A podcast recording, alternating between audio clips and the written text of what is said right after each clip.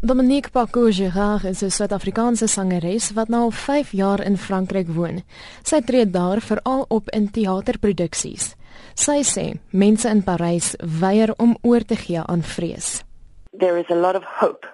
Obviously there's a lot of sadness, but at the same time a lot of hope, which means that the people are actually going out. They're actually going out to have a coffee on a terrace. They're going out to have a drink in the 11e arrondissement. They're going out to, to see a show or to go and listen to live music. If we are cornered into a little dark place, it's not going to help anything. It's not going to get better. And I think that's the overall feeling and sentiment within Paris. Maar is mense dan glad nie bang nie? Of course they are. Of course they are.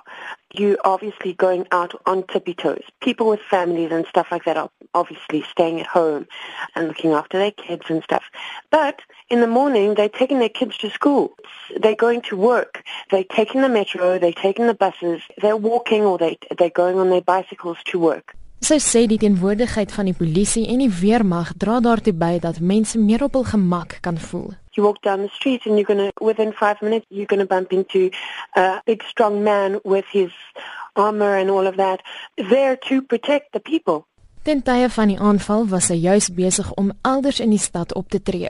Sy sê aanvanklik het niemand geweet wat gebeur het nie en het hulle eers tydens die produksie se breuk gehoor van die aanvalle.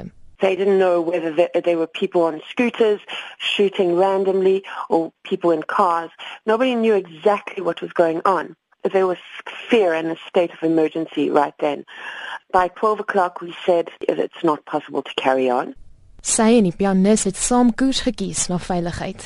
The pianist and I ran because we didn't know whether there were people shooting randomly or going throughout Paris shooting or with bombs.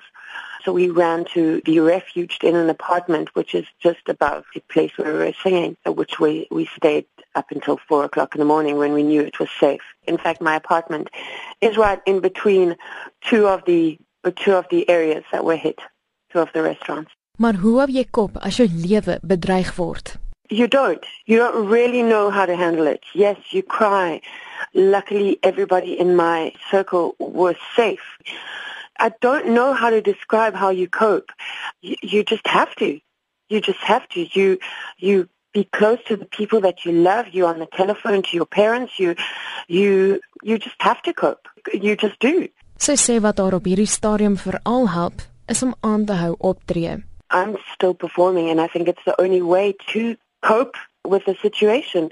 We performed again on Sunday night. We did that uh, on purpose so like that we could give a little bit of hope to the people to cope through through music and through through entertainment and and bring a smile back to the people. Dit was Dominique Pacou Gerard in Parys. Ek is Marlene Verschiefer, SABC nuus.